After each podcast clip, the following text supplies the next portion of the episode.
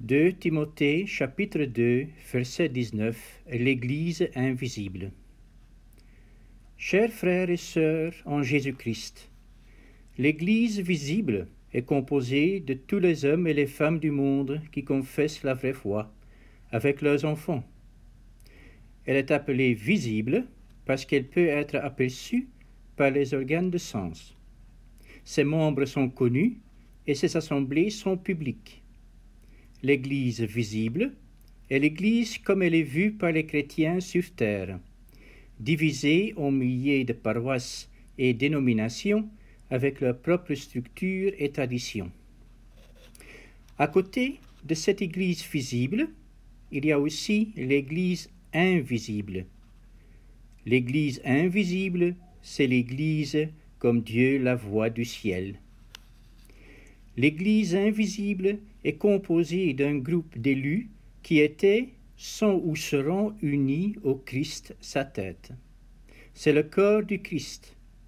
Elle est dite invisible parce que la plupart de ses membres se trouvent déjà au ciel ou ne sont pas encore nés, et aussi parce que les membres actuels sur terre ne peuvent pas être distingués avec certitude. Les exigences de l'appartenance sont intérieures et cachées. Le Seigneur seul connaît ceux qui lui appartiennent. L'Église invisible est un corps spirituel dont tous les vrais croyants sont membres. Tous les vrais croyants sont membres de l'Église invisible, vivant au ciel ou sur la terre, vivant ou morts physiquement. Par contre, nous dit l'apôtre, tous les chrétiens qui sont membres des églises visibles ne sont pas nécessairement membres de l'église invisible. Il y a de faux croyants qui ne sont pas vraiment unis au Christ. La notion d'église invisible renvoie à cette réalité. Elle ne peut pas être complètement découverte par l'homme.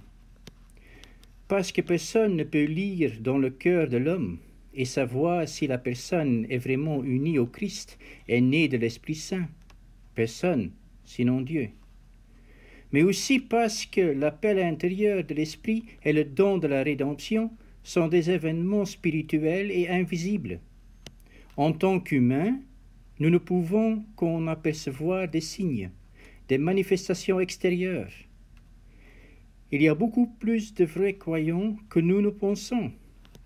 Paul disait à Timothée, Cependant, les solides fondations posées par Dieu subsistent, porteuses de cette inscription.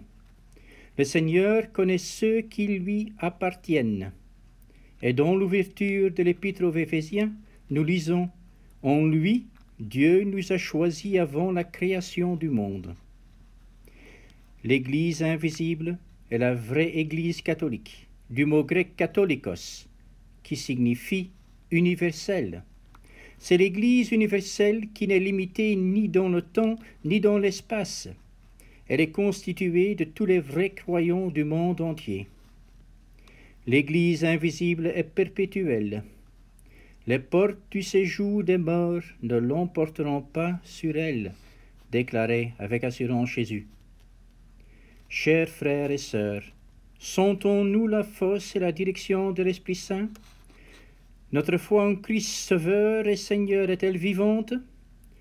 Nous retournons-nous vers Dieu le Père dans l'humilité pour répondre de lui seul Ce n'est que dans ces conditions que nous serons assurés de ne pas appartenir seulement à l'Église visible, mais aussi à l'Église invisible, pour rester avec lui éternellement. Amen.